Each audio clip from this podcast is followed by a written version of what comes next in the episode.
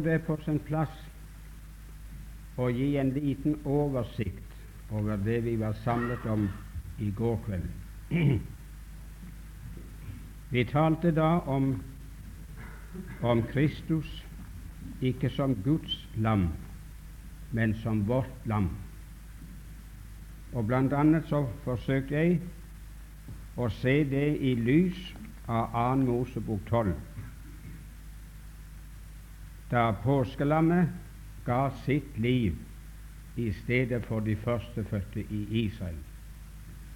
For vi leste i Korintiabrevet at vårt påskelam er jo slaktet, og det er Kristus.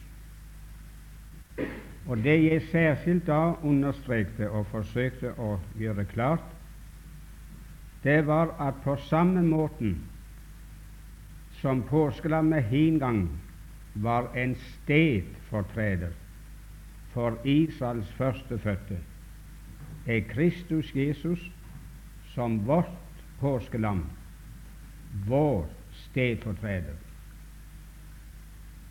Og det en stedfortreder har vært og utført, det har den mannen også utført som han var stedfortreder for.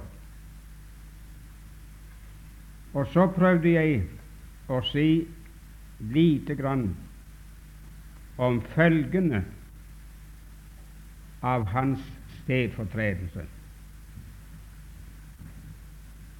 Og jeg rakk bare å nevne tre.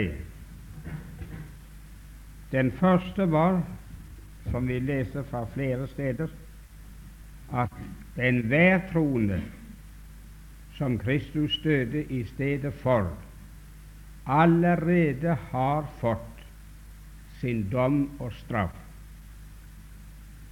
Det å bli dømt og få vår straff, det er ikke noe som hører fremtiden til, som vi ser frem imot. Men dommen er fallen. Straffen er eksekvert. Men bare med den forskjell at den ble ikke eksekvert over oss personlig, men over vår stedfortreder. Vi fikk straffen i hans lidelse og død. Og jeg betonte nokså sterkt det femte vers i Esaias 53, hvor det står at straffen, den lå på ham. Ikke bare straff, men merk deg straffen, hele straffen for et liv i synd, lå på ham. Han ble ikke handlet med i forhold til egen synd, for han hadde ingen. Han var ren, hellig og uskyldig og opphøyd over himlene. Men han døde for våre synder og så var det vår straff, og det vil si straffen, som lå på ham. Der er altså, venner, ingen straff igjen som skal eksekveres og fullbyrdes over et menneske som er i Kristus Jesus. Hele straffen som var, lå på ham. Det er ingenting igjen. Så jeg, venner, har lov å stå her i kveld med den salige visshet i min sjel at hele min straff, både for det liv som jeg levde i vantro borte fra Herren som ung gutt, og for all den synd jeg har begått som en kristen siden, og for all den synd jeg ennå kan komme i skade for å begå og for all den synd og skyld som finnes i meg, det er i min natur. Hele straffen ble lagt på ham. Og så betrakter jeg meg fri av den grunn. Jeg regner med jeg har hatt en fullkommen stedfortreder som gjorde det, og gjorde for meg som jeg var idømt, og dem er jeg fri. Der står det i, uh, i Galaterbrevet 3.13 at Kristus kjøpte oss fri fra lovens forbannelse da han ble en forbannelse for oss. Og det står det han gjorde for at Abrahams velsignelse nå kan komme over oss i Kristus Jesus. Det er bare de to ting å regne med. Det er enten Guds forbannelse eller Guds velsignelse. Som et Adams barn, et urent, syndig Adams barn, hadde jeg fortjent forbannelsen, og den hvilte over meg. Og ikke bare meg, men dere og hele slekten. Men så står det i testamentet at Kristus kjøpte oss fri fra forbannelsen. Så kan det bare være én ting igjen, og det er velsignelsen. Så når jeg går hjem etter møtet i kveld og legger meg på puten for å sove og stå i natt, så kan jeg legge meg i den vidunderlige forvissning det er ingen forbannelse over meg. Uansett hvordan jeg er, det er ingen forbannelse over meg, for Kristus har kjøpt meg fri ifra den. Enten må jeg annullere hans stedfortredende gjerning og regne med at forbannelsen ennå hviler over meg, og ellers må jeg tro det akkurat som det står, og eie den vissheten i min sjel. Det er ingen forbannelse over meg mer, for han tok den. Og så kan Abrahams, Guds venns, velsignelse hvile over meg. Ikke på grunn av hva jeg er, men den kan kan komme over oss i Kristus Jesus. Og Dernest nevnte jeg at årsaken til vår fordømmelse er tatt vekk. For han ble åpenbart en gang ved tidenes ende for å ta synden vekk ved sitt offer. Og på korset sa han det er fullbrakt. Jeg har fullbyrdet den gjerning som du ga meg å gjøre. Han fikk den bort. Jeg eh, betonte det ikke i går kveld, men jeg vil gjøre det nå. Jeg har stanset mange ganger for, for ordlyden i det vers. Kristus ble åpenbart én gang, altså ikke mange ganger, men han ble åpenbart én gang var tid, ved tidenes ende. Ikke i tidens fylle, det er det tale om også i Galaterbrevet, at da tidens fylle kom, der sendte Gud sin sønn i syndig lignelse. Men det er noe annet her det tale om da Kristus hang naglet til et kors på Golgata, så var alle tiders ende kommet for Gud. Det var hele slektens dommedag da han hang der. Så det han tok vekk, det han ordnet mellom Gud og oss, det var ikke bare synder som er begått før vi ble en kristen, men alt som kan komme inn i vårt liv som synd. Han gjorde opp for alt. For Gud var det tidenes ende. Det betyr meget for meg. men Jeg kan ikke si noe mer om det nå. Og så nevnte jeg som det tredje i går og det la jeg mest rett på,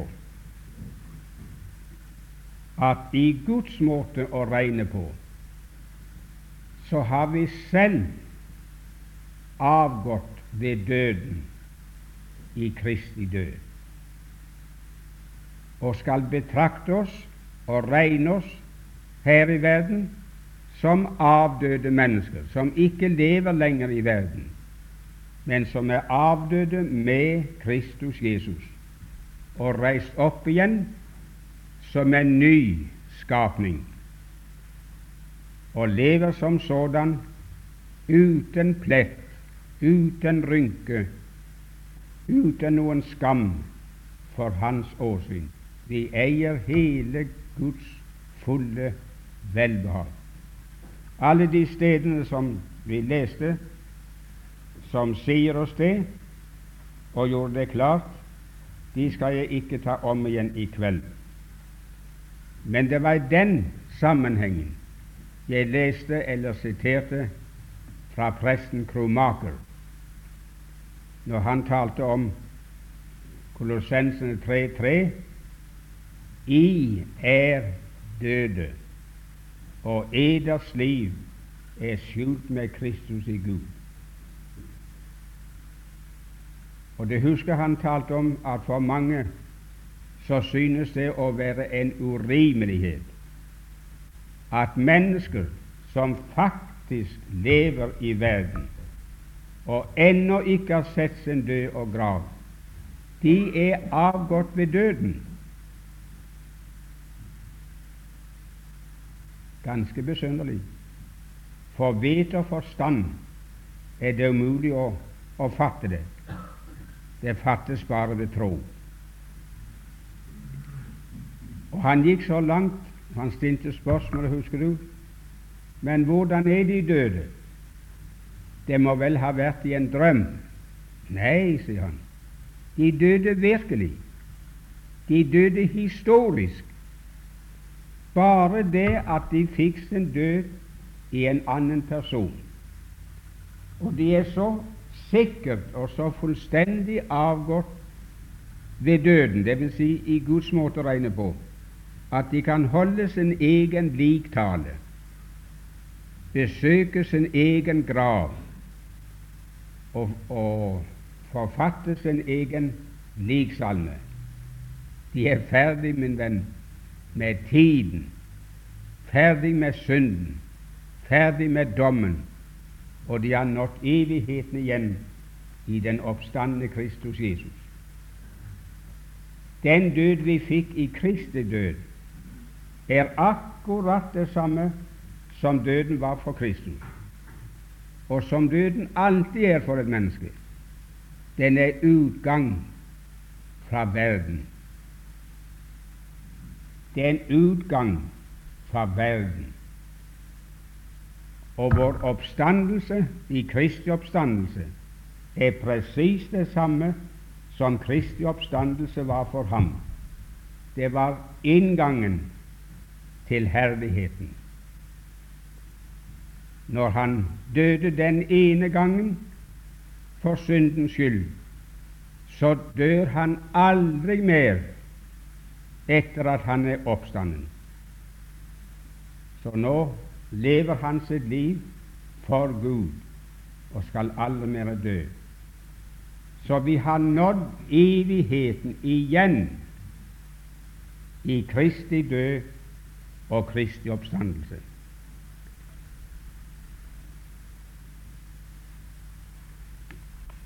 Det var en predikant som talte et sted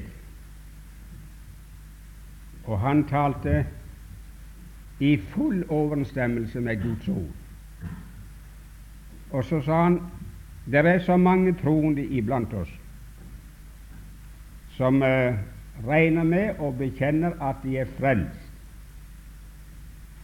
men mange er svært lite klar over hva ordet rommer. De fleste har sett en del av hva de er frelst ifra.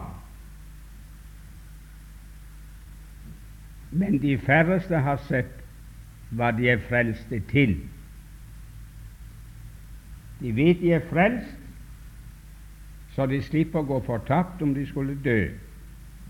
Men hva de nå eier, hvordan deres nye stilling er for Gud nå, det tenker de nesten aldri over. Og det husker jeg sluttet med i går kveld å nevne i forbindelse med påskelammet i Israel, at påskelammet tok de førstefødte med i døden. Gud ga Israel en helt ny fødselsdag, en helt ny historisk begynnelse. Så fra det øyeblikk påskelammet hadde gitt sitt liv, så var den gamle historie for de førstes vedkommende slutt. Gud regnet ikke med den mer, og Israel måtte aldri regne med den mer. En uh, førstefødt som i en familie var 80-90 år, han var akkurat like gammel neste dag som en liten baby som nettopp var født. For Gud sa at denne måned skal være en av månedernes begynnelse, og den skal være den første blant årets måneder. En gammel historie endte og ble avsluttet ved påskelammets død, og en helt ny historie med en ny tidsregning begynte for de som lammet døde for. Og presis slik er det med Kristi stedfortredende død for deg og meg. Som Adams barn fikk vi avslutningen på vår historie som sådan, og er nå en ny skapning. Det gamle, det er forbegangen, og alt er blitt nytt. Men om vi lever i det, om vi ser det så, fatter rekkevidden av det, så det er en helt annen sak. Men enten de førstefødte i Israel satt inne ved bordet og spiste og følte seg glad og trygg og var klar over vi er frelst. Dommen har gått oss forbi. Det er påske. Mordringen har gått forbi, det er forbigang. Og så var de frelst og lykkelige og glad. Eller de satt der og tvilte og var nervøs. Hvordan mon det gå? Skal tro om vi hadde blod nok på dørstokkene og fikk det på rette plassen. Skal vite om morderengelen skal komme til å se blodet på de dørstokkene. Det er jo mørke natten utenfor. Så var det ikke på sitt bareste liv hvordan det skulle gå. Men mine venner, andre dagen så var de redde og fryktende, nervøse, som ikke kunne synge og klappe i hendene, like meget frelst som de som satt der lykkelige og glad. Det gjaldt dem alle like fullt og helt. En eldre mann, en moden mann som kunne tenke og reflektere over det, han kunne føle seg trygg, for Gud hadde sagt 'Jeg skal se blodet', og så går dere forbi, og ikke skal noe slag ramme dere til fordervelse når jeg slår Egyptens land. Men så lå det en, en liten baby som nettopp var født til verden, snaut en time gammel. Hva forsto han av det?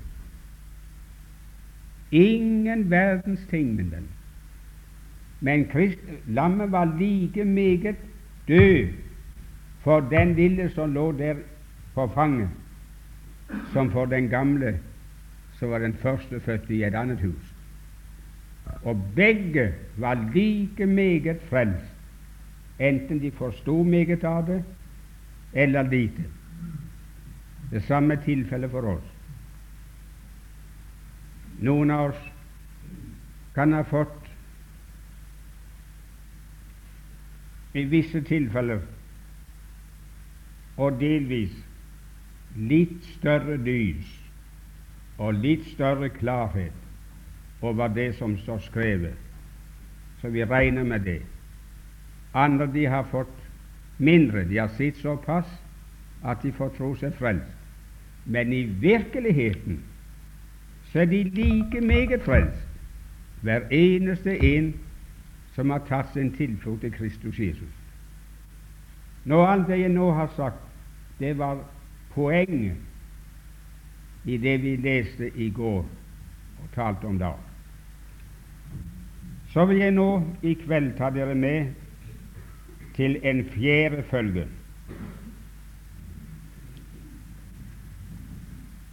Og det er vårt samfunn og fellesskap med Gud. Og at det samfunn og fellesskap vi har med Faderen og Hans Sønn, det skulle være en høytid for Herren i vårt liv. Vi leste i eh, 1. Korintiabrevet 5, og der det syvende og åttende vers. Rens derfor ut den gamle surdeig, så dere kan være ny deig, like som dere òg er usyret. For vårt påskelam er jo slaktet Kristus. La oss derfor holde høytid ikke med gammel surdeig eller med ondskaps- og gudelighetssurdeig, men med renhets- og sannhets usyrede brød. Det står tydelig og klart i Testamentet at vi ble kalt til samfunn med Faderen i Kristus Jesus. Og samfunn, ordet samfunn, og det skal defineres, det betyr ganske enkelt å eie og dele noe i fellesskap. Det er samfunn. Det norske folk det eier dette landet som felleseie, og i det landet har de felles interesser. Og det kan de forhandle om, og det kan de snakke om, og det kan de gjøre seg til gode av. Det er det norske samfunn. Men vårt samfunn, det er med Faderen og med Hans Sønn. Legg nå merke til at for Israels vedkommende så var det en ufravigelig regel at de hvert eneste år skulle holde en høytid for Herren i anledning påsken, og den fikk navnet påskehøytiden. Og den skulle vare i syv dager, fra den 14. til den 21. dag i måneden Nisan. Og om det kan vi lese noen vers i Andre Mosebok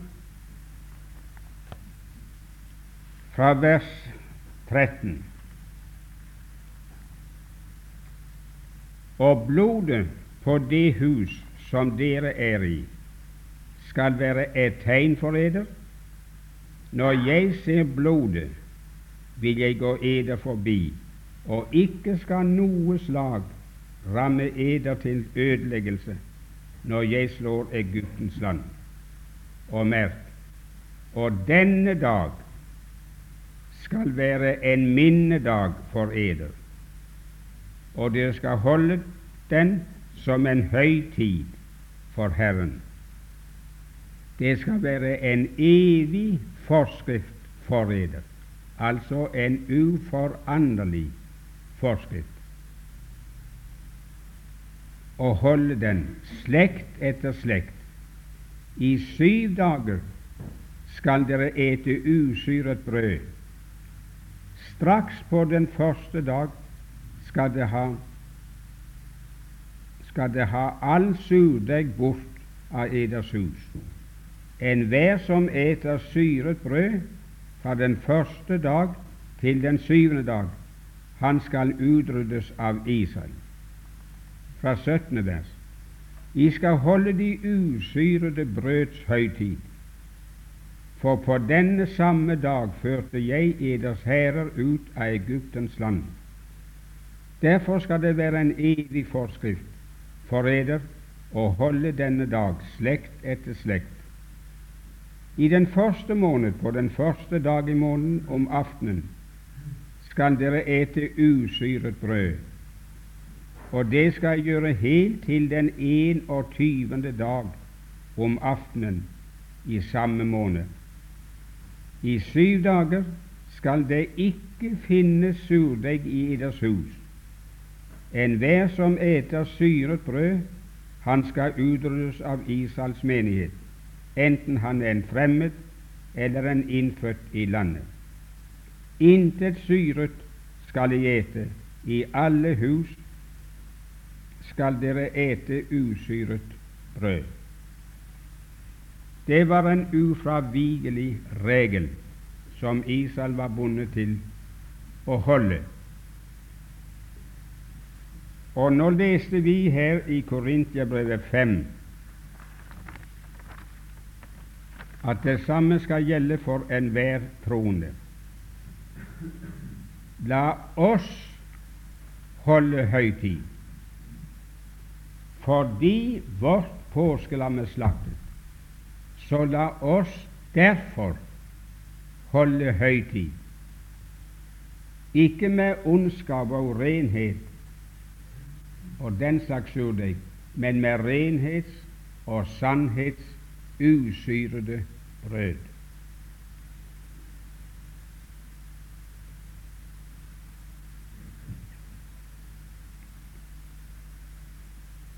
Den påskehøytiden i Israel, den var foreskreven og holdt av Israel som en offisiell takknemlighet imot Gud.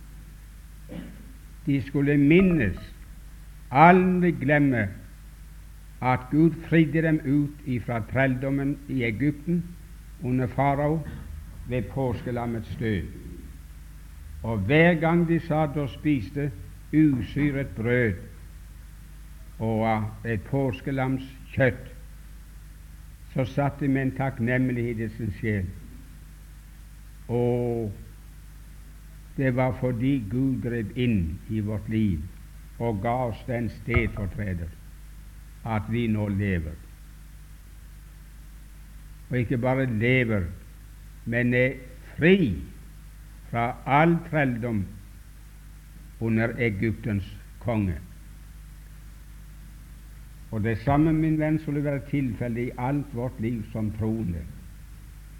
Vi skulle nyte Herren i en takknemlighetsfølelse mot Gud. Vi skulle ha full klarhet over hva som skjedde da Kristus ble vårt lam og døde i vårt sted og skapte oss frihet og skapte oss livet. Og det skulle være en høytid. Denne siden av kristenlivet er mange troende dessverre fremmed for. De tror og vet at de er frelst, de har fått sine synder forlatt, og de henger med Herren. Så om de skulle dø, dø plutselig ved slagtilfelle eller en ulykke, så går de hjem til Gud. Men det daglige liv som de lever, det er helst en byrde. Det er tungt. De går sukkende bak etter Herren. Men det, godt folk, har aldri vært Herrens mening. Meningen var at vi skulle være lykkelige, glade, takknemlige og åpenbart vise det for verden hva Gud har gjort for oss. Det skulle være et liv i høytid. Men når så for manges vedkommende ikke er tilfellet, så må det være en årsak til det. Og årsaken tror jeg ligger akkurat i det som vi leste her i Korintiabrevet. Skal det kunne bli mer høytid, fest, lykke i vårt liv enn som tilfellet ofte er, så må all gammel surdeig skaffes vekk, og vi må ete lammet med usyret brød. Men det er selvfølgelig åndelig forstått. Jeg skal prøve å forklare hva jeg mener. Den første betingelsen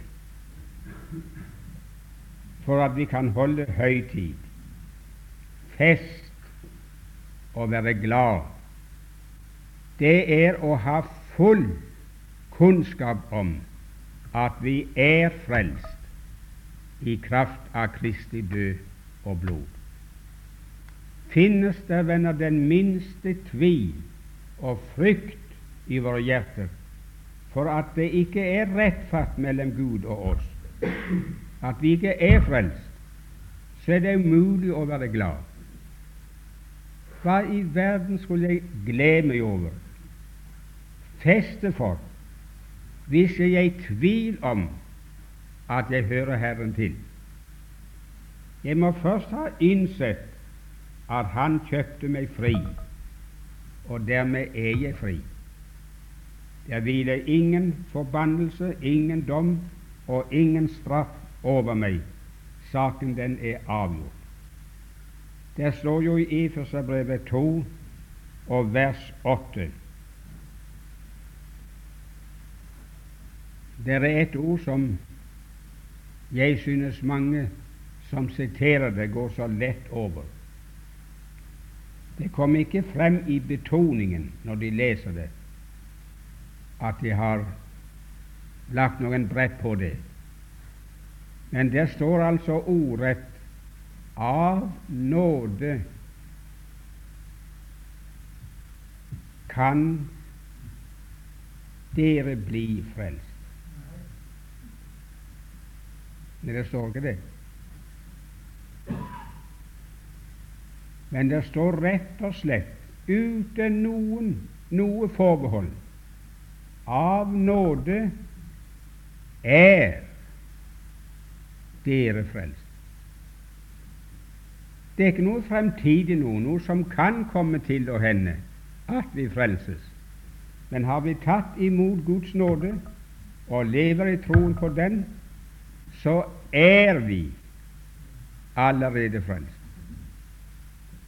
Og hele vårt Nye testamente, godt folk, sier akkurat det samme at den som tror på Kristus Jesus, han er gått over fra døden og til livet, og kommer ikke til dommen. Jeg begriper ikke på hvordan noen kan få seg til å skrive og preke at et troende menneske ikke kan vite her i verden hvorvidt han er frelst eller ei. Det er først på dommedag når uh, bøkene lukkes opp, og livsens bok lukkes opp, og navnene skal ropes opp, det er først da og der de får greie på om de er frelst eller ei. Nei, nei, min venn, det er stikk i strid med det Bibelen sier. Den sier klart og tydelig ja, det kommer så mange ord for meg. Hva skal jeg lese, og hva skal jeg utlate? Tenk på hva det står i Johannes første brev 5.13. Dette har jeg skrevet til eder, for at dere skal vite at dere har evig liv, dere som tror på Kristus Jesus. Det er ikke snakk om at de skal få men de skal få vite at de har det livet her og nå mens de lever i denne verden. De var troende. Det er i grunnen et merkverdig vers. Det må ses i lys av det første kapittel. der hvor apostelen sier at det som vi har sett med våre øyne, det som vi har hørt med våre ører, og det vi har følt på med hendene våre, det forkynner vi dere, nemlig livets ord, det evige som var hos Faderen, og som ble åpenbart for oss. Det forkynner vi dere. Hva det? Livet. Det var livet vi så. Det var livet vi følte på. Det var livet vi hørte tale. Og det var det evige livsord. Og det forkynner vi dere for at eders glede skal bli fullkommen. Og så gjentar han det der i slutten av kapittel 5 at Han er det evige liv. Nå visste Johannes venner at alle disse som venner som han skrev til, de var Guds barn.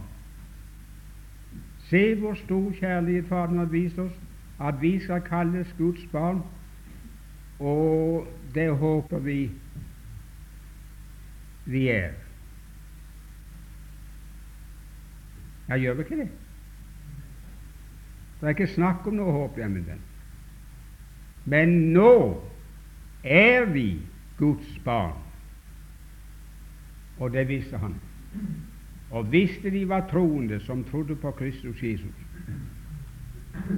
Men det var noen venn de manglet. De hadde ikke en fullkommen glede. Det var en frykt og en beven som bremste dem ned. Det forhold måtte forandre. Og så ble det brevet skrevet dem av Den hellige ånd, ikke for at de skulle vite at de var frelst. Det sier folk så ofte, men det står det ikke. Men dette skriver jeg til dere for at dere skal vite at dere har evig liv, dere som tror på Hans navn. Det kunne altså, venner, gå an for de troende å tro og vite at de var frelst, men ikke være klar over at de hadde evig liv. Men det måtte de bli klar over om de skulle kunne fryde seg med en usigelig og herlig og glede. Det var første betingelsen. Og Johannes 3, 36, det siterte jeg her en kveld før, der sier Jesus Den som tror på Sønnen, har livet. Han har ikke bare liv, men han er kommet i besittelse av selve livet, det evige, det som var hos Faderen og som ble åpenbart imellom oss. Men den som ikke vil tro på Sønnen, han skal ikke se livet, men Guds vrede blir over ham.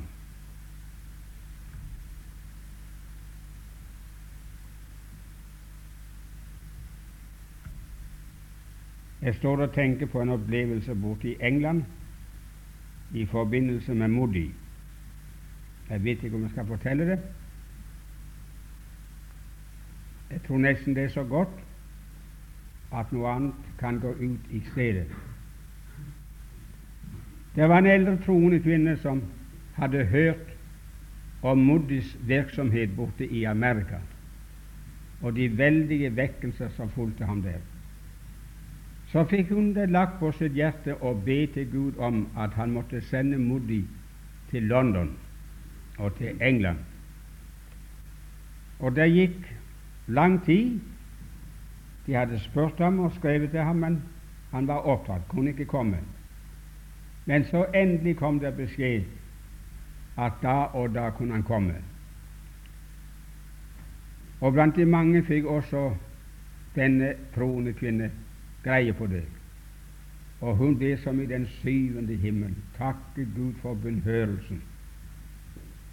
Og så var det bønn om at når han kom, måtte Gud holde ham i det forhold til seg at han kunne bruke ham her i landet som i Amerika. Jo da, Moddi kom. Hun var syk og kunne ikke gå til møtene selv.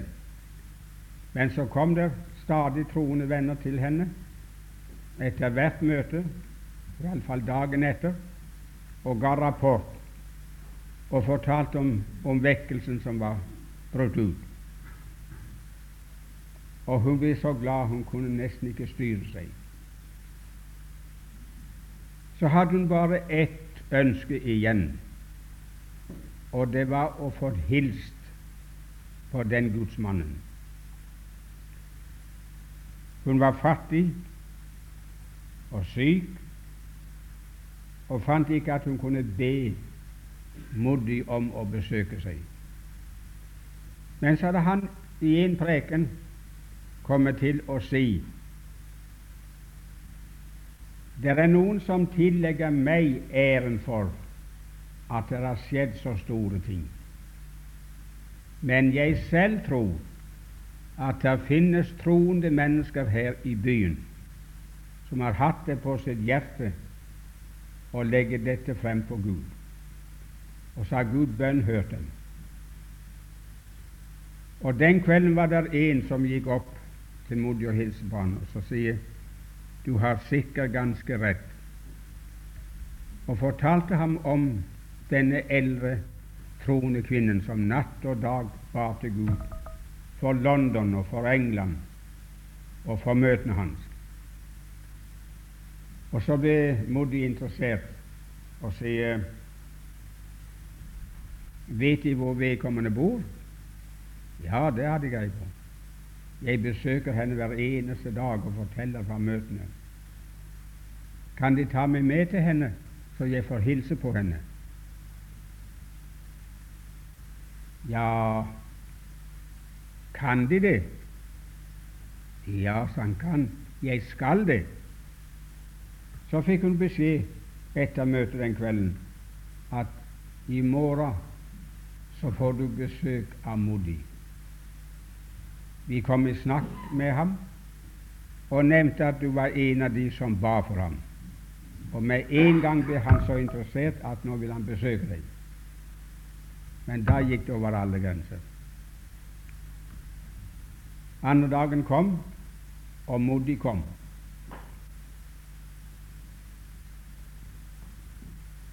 Å skildre hele det samværet, det går ikke an. Men det gikk ikke lang stunden, så bøyde hun sine kne og begynte å takke Gud for bønnhørelsen og for det som var skjedd ved Modi. Og så sa hun i bønnen, men da hadde han også knelt ned ved siden av henne i bønn. Og så sa hun, og nå, Herre Jesus, vil jeg be deg om, så inderlig jeg kan, at du må velsigne Modi, og du må velsigne ham med den beste velsignelse. Du må gi ham det evige liv. Stopp, sa Modi og tok henne på skulderen. Alt det andre du har bedt om, det, det kan Gud høre, og jeg håper at Han gjør det. Men dette du ba om, det kan ikke Gud høre, så det, det må du ikke komme med. Hva mener du? Du ba Gud måtte gi meg det beste, Han måtte gi meg evig liv. Men det kan Han ikke. For jeg har evig liv. Han har allerede gitt meg det. Stakkar det kvakk i gamle. Så tenkte du store verden. Det skulle vel aldri være slik at det er noe galt i læren hans som jeg ikke har greie på. Og så forsøkte hun å, å protestere, stakkar. Men Modi han tok det rolig. Så han hør nå, søster, nå skal vi slutte å be For når vi er ferdig med å be om det så Gud kan høre, så nå, nå slutter vi med det. Men så skal vi høre på hva Gud sier. Så tok han Bibelen og slo den opp på Johannes 3, 36, og leste det jeg siterte nå. Den som tror på Sønnen,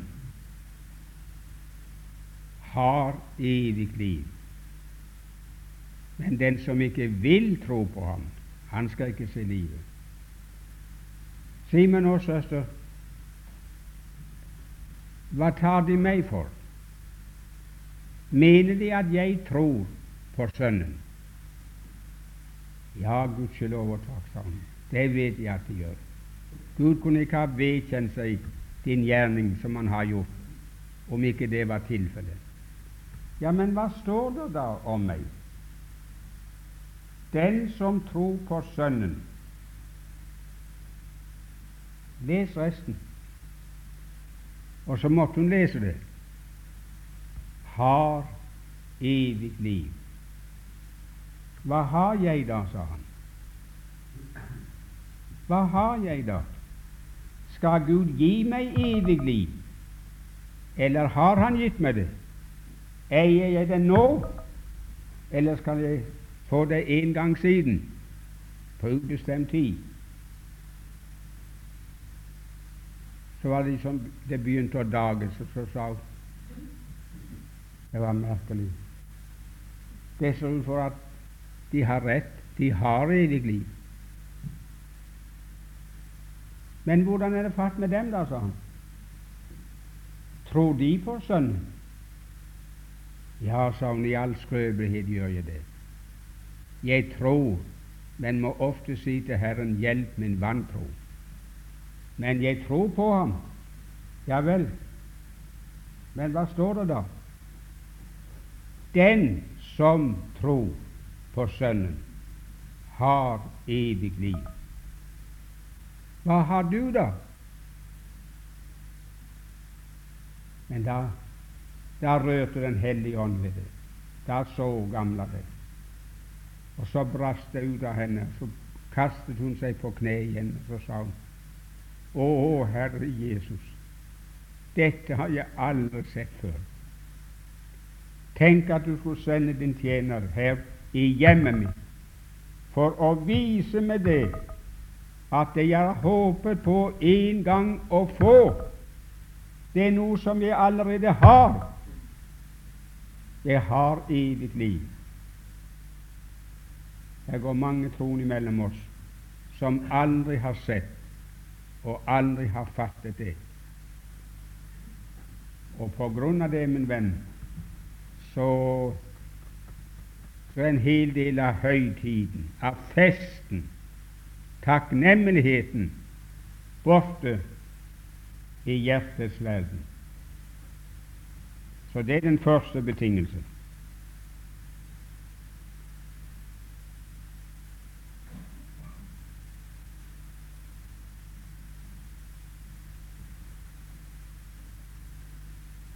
Den andre jeg vil nevne, den andre betingelsen for å kunne holde høytid, det er å kjenne og leve i kunnskapen om Kristus Jesus. Jeg mener leve i sannheten om ham som den er gitt oss her i Skriften. Vi må kjenne den og så regne med den og leve i den. Så kommer høytiden og stemningen av seg selv. Det står om Israels barn at i samme natten som de slaktet lammet, så skal de ete det. De skal ete selve lammet med usyret brød og så satt de inne i huset mens blodet var på dørstokkene, og spiste av det lammet. Og Guds mening er, venner, at vi skal ikke bare tro på Jesu Kristi død, men vi skal tilegne oss selve personen. på åndelig vis spise og tilegne oss alt det som vi vet at Han er og har gjort på grunn av det Gud har sagt. Og spiser vi ham, tilegner oss ham på den måten, så kommer festen og høytiden som en følge av det. Det står i, eh, i eh, Romerbrevet 5 og vers 9 at så sant vi blir forlikt med Gud ved Hans Sønns blod, forlikt med Gud ved Hans Sønns blod, så skal vi nå, etter at vi er blitt forlikt, så meget mere ved Ham bli frelst fra vreden. Ser du den forskjell som ble gjort mellom Kristi død og blod og selve personen? Vi fikk forligelse med Gud ved hans død og blod. Men vi skal meget mer leve, ikke ved hans blod, ikke ved sannheten om hans død, men ved ham, selve personen. Det var ikke bare slik, godt folk, at Kristus var en ypperste prest etter Arons vis, som bar frem et syndoffer for folkets synd. Men han er langt, langt mer enn det. Testamentet sier oss at han er vår hyrde. Han er vår talsmann, og han er vår tilsynsmann, og han er vår helliggjørelse, og han er vår forløsning. Og Kolossensene 3, 4 sier at han er Kristus, vårt liv. Men alle de sannhetene om Kristus Jesus, og alt det i hans liv og virke som svarer til uttrykken her, hyrde, talsmann, helliggjørelse, forløsning og liv, vårt liv. Det er sannheter som vi skulle tilegne oss hver eneste dag. Gjør du det? Er det de sannhetene som du lever i, som du åndelig talt spiser og tilfredsstiller deg med?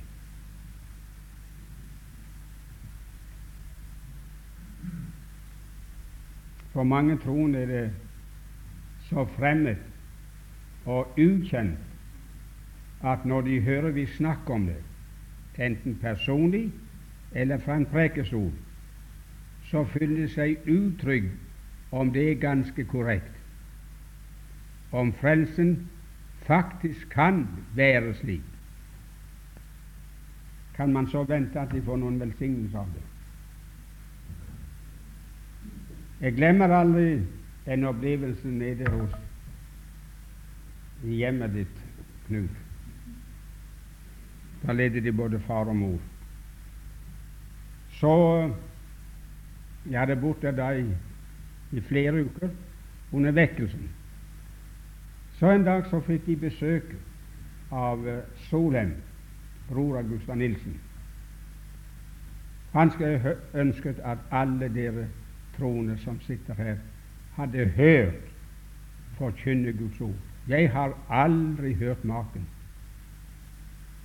Og jeg hørte han aldri en eneste gang uten han åpenbarte nye sannheter og nye felter i Guds ord som jeg før aldri hadde sett. Og det med en kraft som simpelthen var uforklarlig. Og alle de som jeg har kjent og vært sammen med her i livet, og som er gått bort, er det ingen jeg har savnet slik som solen. Og om jeg hadde hatt han igjen, og fått et par dagers samtale med ham. For spør om han var kjent i Guds ord. Du kunne nesten tro han hadde vært med i Guds råd. For du kunne spørre ham om hva som helst. Og det var så klart, så klart som solen på himmelen. Nå vel, så satt vi der og hadde spist frokost. Faren han var ikke inne, han var ute. Men så var det mor som begynte å snakke med han. Jeg var så redd han jeg satt ikke på min arme liv. Jeg trodde han var den personifiserte hellighet, og at han så meg tvers igjennom. Så jeg tenkte det er best at du, du holder tett.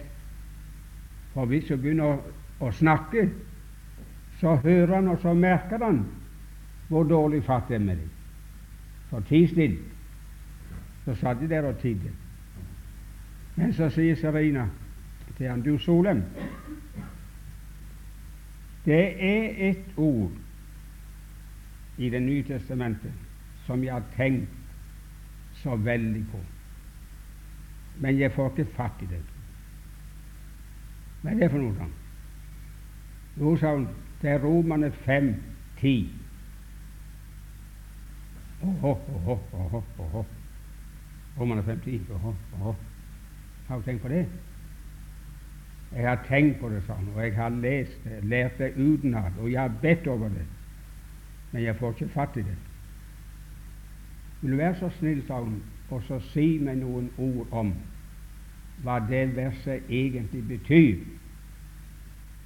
Hva betydning det har for meg som en troende. Og jeg satt og tenkte i min taushet Hva står det i det verset? Jeg hadde ikke anelse om hva det sto, men hadde trukket ut ord i flere år. Men visste ikke hva det sto. jeg ja, jeg skal nå lese det i dag, men, men jeg skal vente til, til han har sagt noe. Så sa han nei, du må. Du får ingen forklaring på det.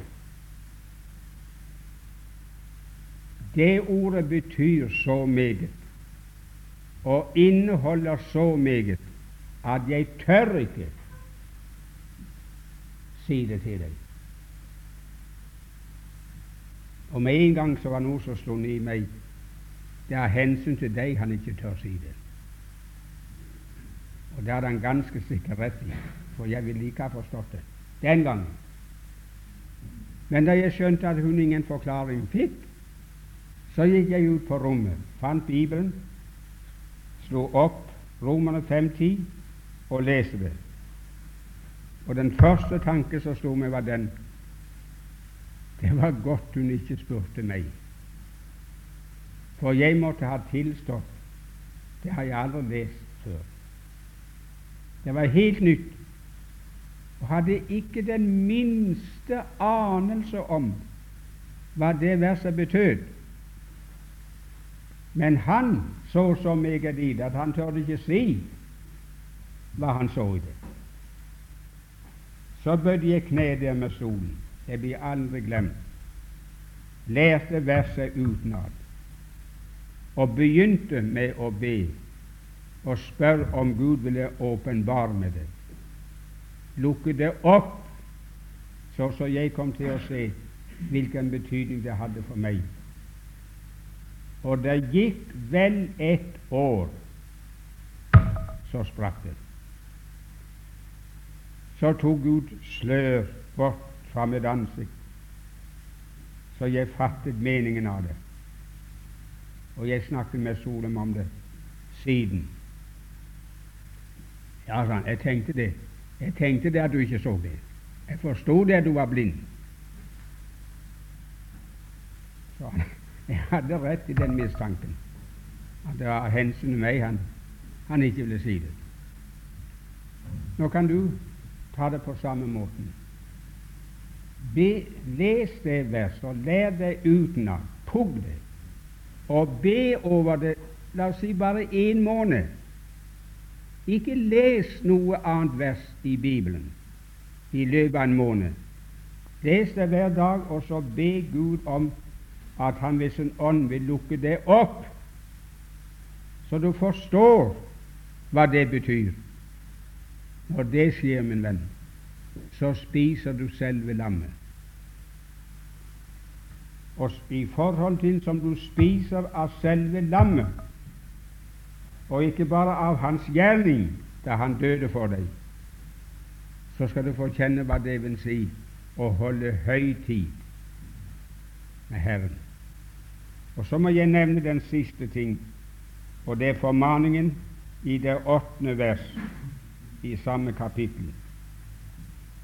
La oss derfor holde høytid, ikke med gammel surdeig eller med ondskaps- og ugudelighetssurdeig, men med renhets- og sannhets usyrede brød.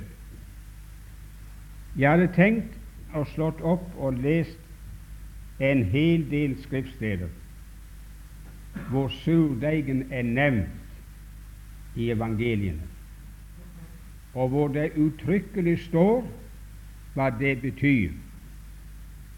Men eh, nå er tiden gått ifra meg, så det kan jeg ikke. Men jeg vil bare si at de versene som jeg ville ha lest, de viser oss at fariseisme det er surdeig. Selvrettferdighet, altså. Og hykleri er surdeig. Og rasjonalisme, det er surdeig. Han sa ta dere i vare for fariseernes og sadduseernes surdeig, som er hykleri. Men de var rasjonalister, for de trodde ikke på oppstandelsen, trodde ikke på et liv etter dette, og trodde selvsagt heller ikke noe på Kristi oppstandelse. Det var rasjonalisme. Og ondskap og synd er surdeig. Ta dere i vare også for Herodes' surdeig.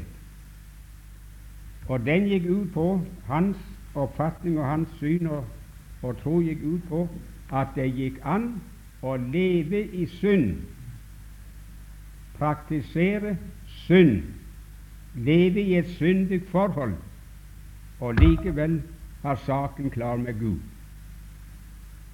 Alt var surdeig. Og her leser vi at ondskap, ikke med ondskap, og ugudelighetssurdeig. Så ondskap og ugudelighet i enhver form i livet, det er surdeig.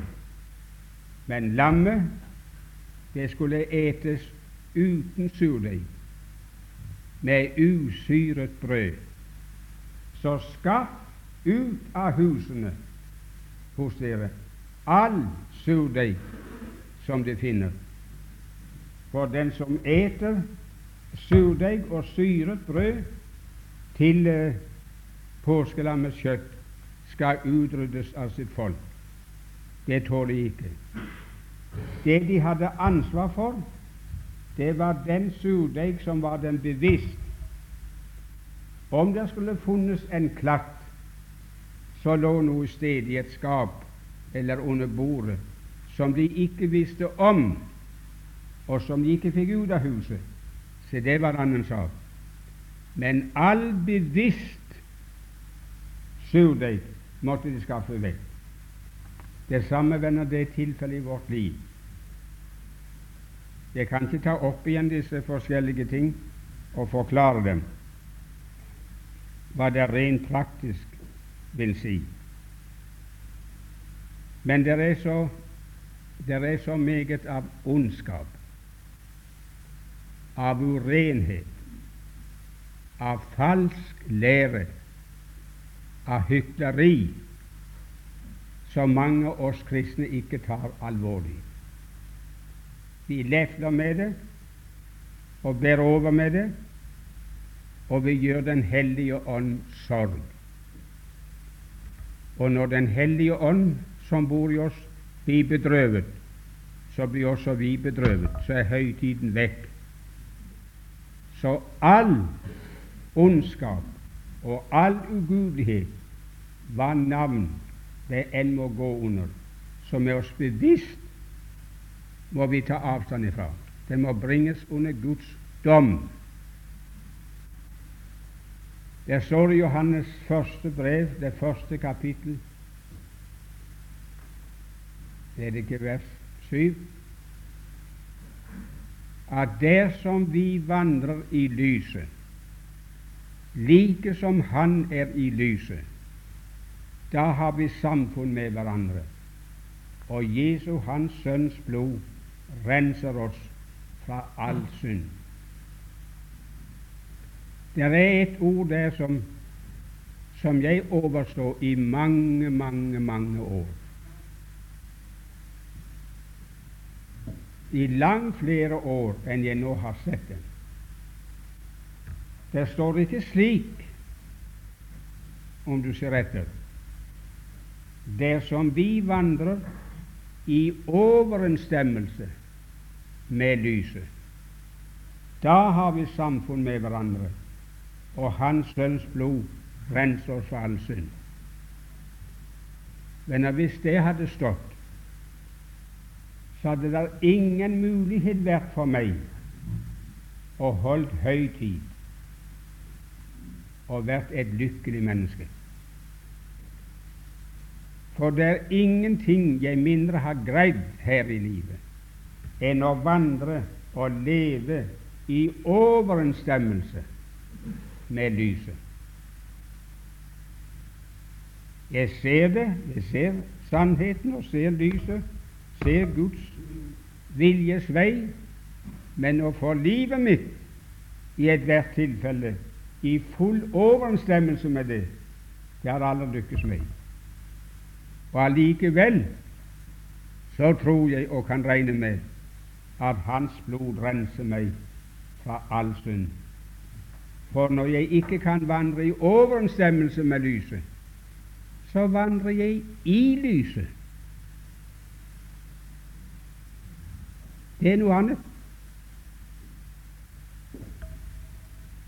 Det sto i uh, det samme vers i Korintiabrevet 5 La oss ete det med renhets og sannhets usyrede brød. Ser det de versene i sammenhengen, så blir det nokså klart for korintiernes vedkommende. Det var en mann som var falt i åpenbar synd, grov synd. Men eh, de troende, de, de hadde ikke tatt hensyn til det. De overså det, erkjente mannen, så han gikk sammen med dem som en kristen som før, og de støtta ham ikke ut. Og det var den gamle surdeig i hans liv og som òg hadde vært i deres liv. Nå måtte det renses ut. Og han sa den mann som har gjort dette, han skal støtes ut.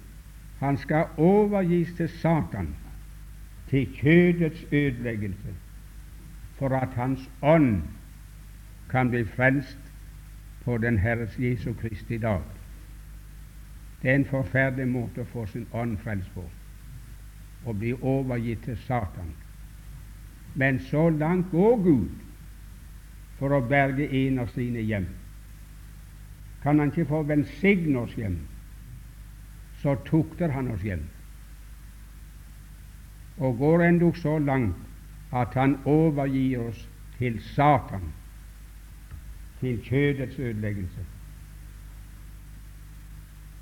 Ikke for at Satan skal dra av sted med oss til slutt, men for at vår ånd skal bli frelst på Jesu Kristi dag.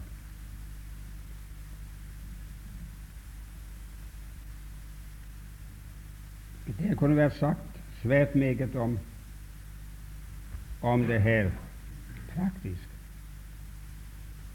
Men nå vil jeg bare si det til slutt. Troende venner, jeg vet du kommer til kort i mange ting og du vedkjenner deg det, at du ikke har klart å vandre i overensstemmelse med lyset. Og du har ikke evnet i ethvert tilfelle å kunne ete det med renhets, usyre brød. Men jeg skal fortelle deg, min venn, det er én ting du kan. Og det er én ting jeg kan, og det er alt hva jeg behøver. Jeg kan ete det med sannhets usyrebrud. Kan jeg ikke alltid være ren, så kan jeg alltid være sann. Jeg tar mitt liv slik som det er, med alle feil, med alle skavanker, og så legger jeg det i lyset og sier, Herre, jeg ønsker at du skal se meg her. Jeg ønsker ikke at noen ting skal være skjult for deg.